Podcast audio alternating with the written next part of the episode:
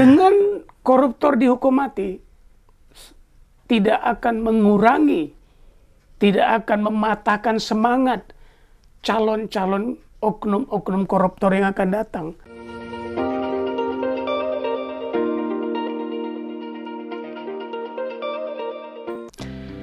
Selamat sore Sobat Gemapos, gemakan suara negeri. Pada hari ini Gemapos akan diskusi sederhana namun berbobot bersama dengan Bapak Dr. AS Kobalen, mantan pemulung kota Medan dan pernah menjadi penyemir sepatu, tukang jualan kue, dan hal-hal sederhana yang tidak diketahui oleh pemirsa Gema Pos. Benar. Tapi kelihatan perhatian sekali kalau memang benar seperti itu. Masa lalu yang sangat menggembirakan. Tapi kan sekarang sudah bahagia. Ya, karena menggembirakan tuh hari ini saya bahagia. Kabarnya gimana Pak ini? Sangat sangat baik. Sangat baik, sekali. Terus motivasi Bapak ketika menjadi apa namanya jika benar menjadi tukang semir sepatu, menjadi orang-orang susah. Gimana rasanya, Pak? Ya saya menikmati pekerjaan itu sebagai sebuah batu loncatan dan saya tidak menyerah. Bahkan saya pernah mengerjakan hal yang lebih parah. Saya bahkan pernah mendapatkan uang dari mencuci WC orang. Jadi, tapi itu adalah perjalanan hidup yang saya bangga. Bagi saya, lebih baik miskin bermartabat daripada kaya tapi hina. Luar biasa. Pak AS Kobalen, kalau kita lihat berita-berita terbaru hari ini, baik itu di media sosial, baik itu di masyarakat, di media apa pun itu di koran, di eh, televisi dan lain sebagainya, itu ada wacana pemerintah berkaitan dengan hukuman mati koruptor. Nah, kalau masyarakat pasti tentu senang Pak Eskobalen. Pasti senang karena wah, koruptor ini harus wajib dihukum mati.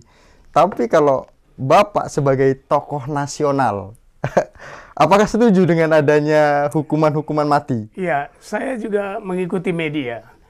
Ini fenomena bahkan eh, sangat euforia ya tentang hukuman mati. Pribadi, kalau pribadi saya saya tidak setuju. Kenapa itu Pak tidak setuju? Alasannya begini, kita lihat narkoba, gembong narkoba, pengedar narkoba dihukum mati, teroris dihukum mati. Pertanyaan saya, berkurangkah? Tidak. Selesaikah? Tidak. Tidak. Dengan koruptor dihukum mati, tidak akan mengurangi, tidak akan mematahkan semangat calon-calon oknum-oknum koruptor yang akan datang. Tetapi, tetapi ini Pak, kalau misalnya kita tidak, kalau Bapak tidak setuju berkaitan dengan hukuman mati ini, tentu saja kita akan menyiksa masyarakat. Karena hukuman mati ini adalah hukuman jerah menurut masyarakat dan juga sampai pemerintah juga mewacanakan itu. Setuju. Tapi perlu disadari, hukuman mati hanya akan membuat menakutkan, Ya. membuat jerah sementara. Karena pertama, masalah mencabut kehidupan seseorang bukanlah hak manusia. Itu adalah hak yang memberikan nafas kehidupan itu. Ya.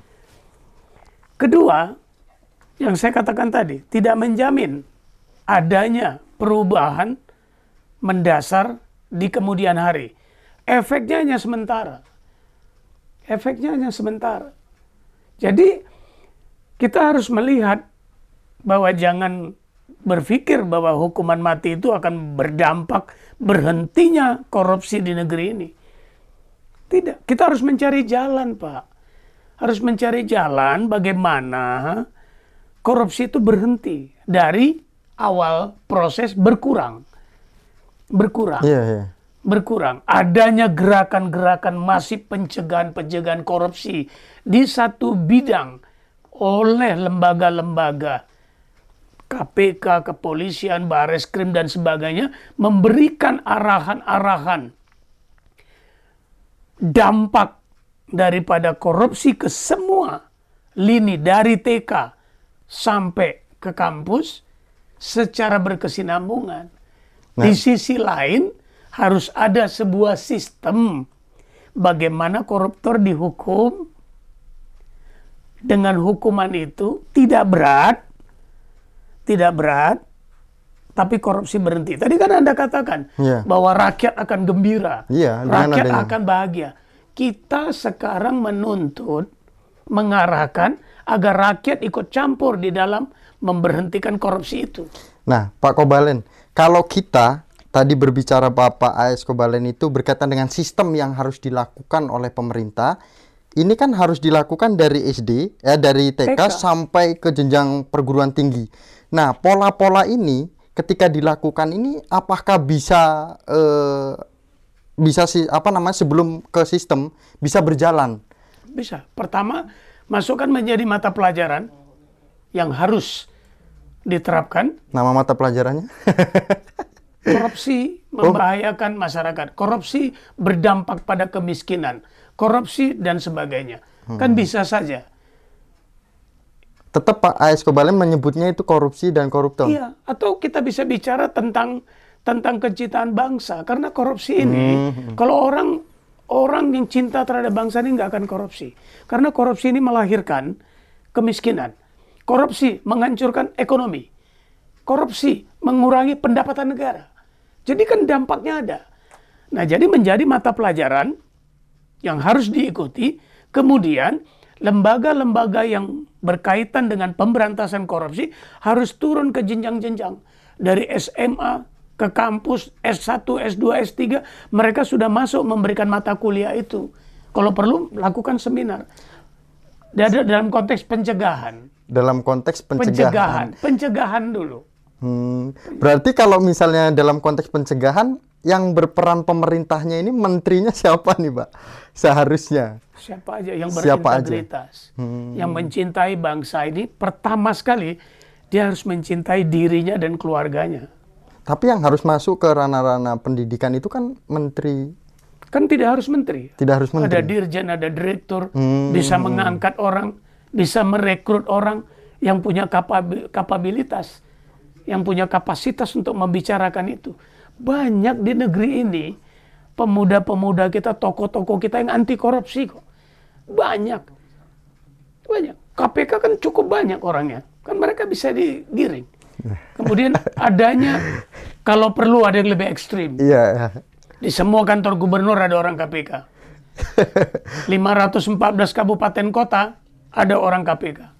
Itu usul dari Bapak. Ya, ya, kalau boleh, kalau memang mau mau memberantas dengan seksama dengan sistem. Saya punya cara-cara yang lain yang nantinya saya jamin Nah. dalam satu dua bulan, eh satu dua tahun korupsi hilang dari negeri ini. Sebelum Bapak menyebutkan caranya, kalau Bapak menjelaskan tentang cinta tanah air itu tidak akan korupsi, berarti Bapak cinta dengan cinta dengan tanah air ini khususnya masyarakat. Saya mencintai istri saya sebagai istri kedua. Cinta saya pertama kepada tanah air ini karena negeri ini tanah air ini yang memberikan saya segalanya. Berarti ada jaminan seandainya nanti Bapak memiliki wewenang atau duduk di tempat-tempat yang bisa memberikan keputusan hukuman yang tepat untuk para koruptor dan disebut apa menurut Bapak koruptor ini pantasnya. Kalau masih ada koruptor-koruptor baru. Iya, kadang-kadang kan kita sedih melihat ada orang di kampung curi ayam langsung diteriakin male, digebukin rame-rame, harga ayamnya juga paling berapa Pak? 100 ribu, 200 ribu. 50 ribu. Ini kok ada orang mengembat uang negara, hak anak yatim, janda miskin yang nilainya puluhan miliar bahkan triliunan, triliunan. disebut tokoh. Padahal mereka maling kan. Maling. Maling kan. Mereka bilang pencuri aja masih halus. Mereka maling yang menggerogoti sendi-sendi perekonomian negeri ini, Pak. Karena itu saya selalu mengatakan bahwa menjadi kaya itu penting. Tapi menjadi bermartabat itu lebih penting. Gitu. Saya mengutip beberapa busana orang kaya di dalam konteks di dalam konteks saya atau di dalam konteks yang umum adalah dia yang mau membagikan hartanya kepada fakir miskin. Bukan busana orang kaya merampok hak-hak orang miskin untuk dia pamerkan sebagai orang kaya. Gitu. Kemudian yang ketiga adalah menjadi terkenal wajar.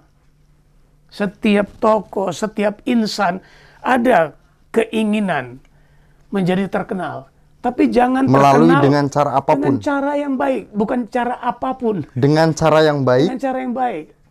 Di sekolah terkenal dengan cara belajar yang baik, mendapatkan nilai yang baik. Di kantor bekerja dengan baik, tingkatkan produktivitas. Bukan dengan segala cara. Tapi kan kondisi lihat, sekarang dengan cara apa pun bisa yes, berhasil. Terkenal. Karena itu saya bilang terkenal itu wajar. Yang tidak wajar kau terkenal karena korupsi, karena maling, kau ditampilkan di semua media, kau jadi terkenal. Hmm. Ini kan sama dengan kau memamerkan auratmu, kejelekanmu, kebobrokanmu, kau menjadi terkenal. Terkenal itu harapan orang. Terkenal, oh dia sebagai orang baik, terkenal sebagai orang dermawan, terkenal dia anak pintar, terkenal dia pejabat yang sukses. Hari ini kita lihat, terkenal dengan cara yang baik. Bapak Kepala BIN Republik Indonesia. Yeah. Tidak ada di satu negara di dunia yang kabinnya turun ke lapangan melakukan vaksin door to door yang menggugah menggugah perasaan bangga oleh setiap rakyat Indonesia hanya dalam satu konteks saja agar vak vaksin berjalan dengan baik, dengan baik. Virus sirna dari Indonesia. Kapolri kita lihat hari ini menciptakan sebuah disiplin yang begitu tinggi. Punya perhatian besar. Yang ketiga, tidak ada di, di dunia ini satu pun presiden yang turun langsung dari waktu ke waktu melihat langsung tentang kegiatan vaksin. India melakukan vaksin door to door dua dokter, dua perawat keliling kampung. Indonesia dijemput di rumahnya, dibawa, divaksin, dikasih sembako, diantar pulang. Ini terkenal. Pak BG hari ini menjadi pembicaraan positif terkenal karena jeripayanya terhadap bangsa ini, jeripayanya terhadap rakyat, kepeduliannya untuk memberantas COVID. Itu terkenal. Lihat semua koran hari ini. Kemarin beliau ambil keputusan akan masuk di puluhan provinsi dalam rangka memberantas virus baru yang sedang mengancam. Sudah masuk di beberapa negara. Itu, Bro. Tapi dengan adanya kondisi yang sudah ada beberapa pemerintah atau pejabat negara yang langsung turun ke lapangan untuk mengeksekusi berkaitan dengan selesainya pandemi ini atau Covid apa namanya dan sebagainya untuk uh, vaksin untuk vaksin, tapi tidak bisa diingkari lagi dengan adanya maling ini yang disebut oleh Bapak. Kan beda jalur. Tadi kita bicara koruptor dan ini bicara orang yang ingin terkenal. Ingin yang orang terkenal. Terkenal, terkenal dan berbuat tanpa pamrih. Ini kan bukan tanggung jawab Pak, Pak BG sebagai hmm. seorang kabin kepala Badan Intelijen Negara Kan logikanya tentang vaksin ini orang berbicara tentang Menteri Kesehatan. Hmm. Tapi beliau turun ini berbulan-bulan. Ikut langsung turun ke lapangan. Saya merinding melihat beliau di TV. Belum lagi Polri kita, TNI kita, Babinsa kita, Satpol PP kita. Ini hal yang sangat luar biasa yang harus menjadi apresiasi. Ini adalah contoh kecil. Kalau ingin terkenal, terkenallah seperti ini, berbuat untuk rakyat. Jangan terkenal nampang di TV, disorot semua TV, disorot semua TV, karena dia ketangkap OTT. Hmm. Pak BG nggak disorot semua TV loh. Tapi beritanya masuk, kita lihat dan sebagainya. Nah, kalau misalnya terkenal oleh hal-hal yang memang berkaitan dengan koruptor, Pak. Tadi belum dijawab oleh Bapak AS yeah. Kobalen berkaitan dengan hukuman yang tepat untuk para maling dan untuk koruptor menurut Bapak ya. AS Kobalen? Setuju. Saya akan menjawab itu dengan gamblang, gamblang, tuntas, dengan jelas dan menjamin kalau itu diterapkan oleh negeri tercinta ini dalam satu maksimal dua tahun korupsi hilang dari negeri dari negeri tercinta ini. Saksikan video saya berikutnya. Kita ketemu lagi. Pemirsa, sobat Gema Pos. Ternyata Pak AS Kobalen tidak mau menjawab hari ini Sobat Gemapos harus menanti video-video yang akan disajikan oleh Gemapos bersama Bapak AS Kobalen. Terima kasih Sobat Gemapos. Akhir kata, kita tutup pada kegiatan hari ini diskusi bersama dengan Bapak AS Kobalen. Selamat sore. Merdeka.